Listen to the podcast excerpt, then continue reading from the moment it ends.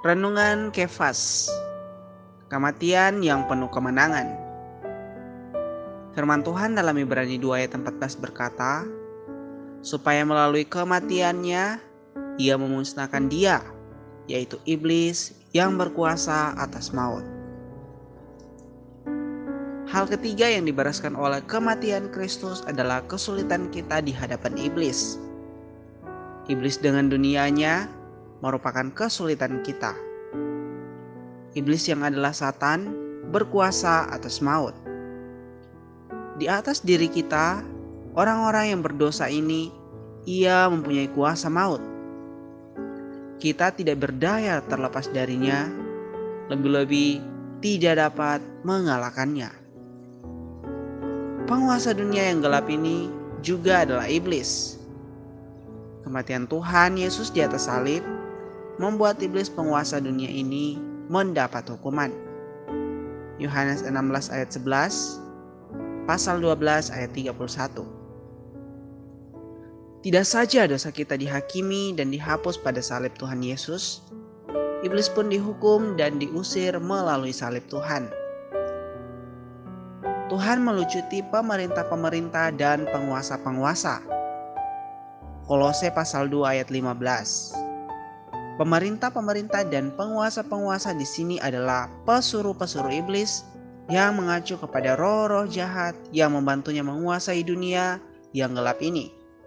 Efesus pasal 6 ayat 12. Ketika Tuhan Yesus mati di atas salib, ia tidak saja memusnahkan dan membinasakan iblis, tetapi juga melucuti pesuruh-pesuruh iblis.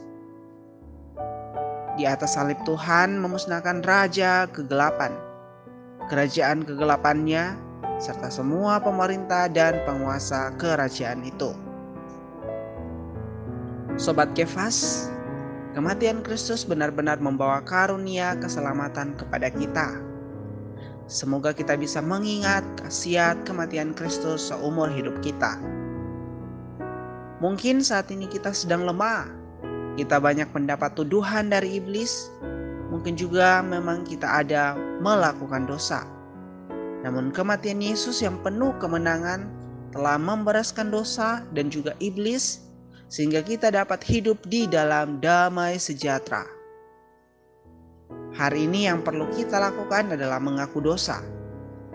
Akuilah setiap dosa yang kita telah perbuat maka kita akan dipulihkan dan mengalami damai sejahtera. Mari kita berdoa.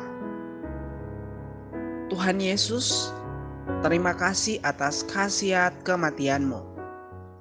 Engkau membereskan dosa, sifat dosa di dalamku, dan memusnahkan iblis bagiku. Tuhan Yesus, memang hari ini aku masih ada kegagalan namun firmanmu adalah kebenaran dan terang. Tuhan, pimpinlah aku terus mempercayai kebenaranmu, bahwa iblis telah dikalahkan dan aku bisa menjadi pemenang, menang dari dosa dan iblis. Amin.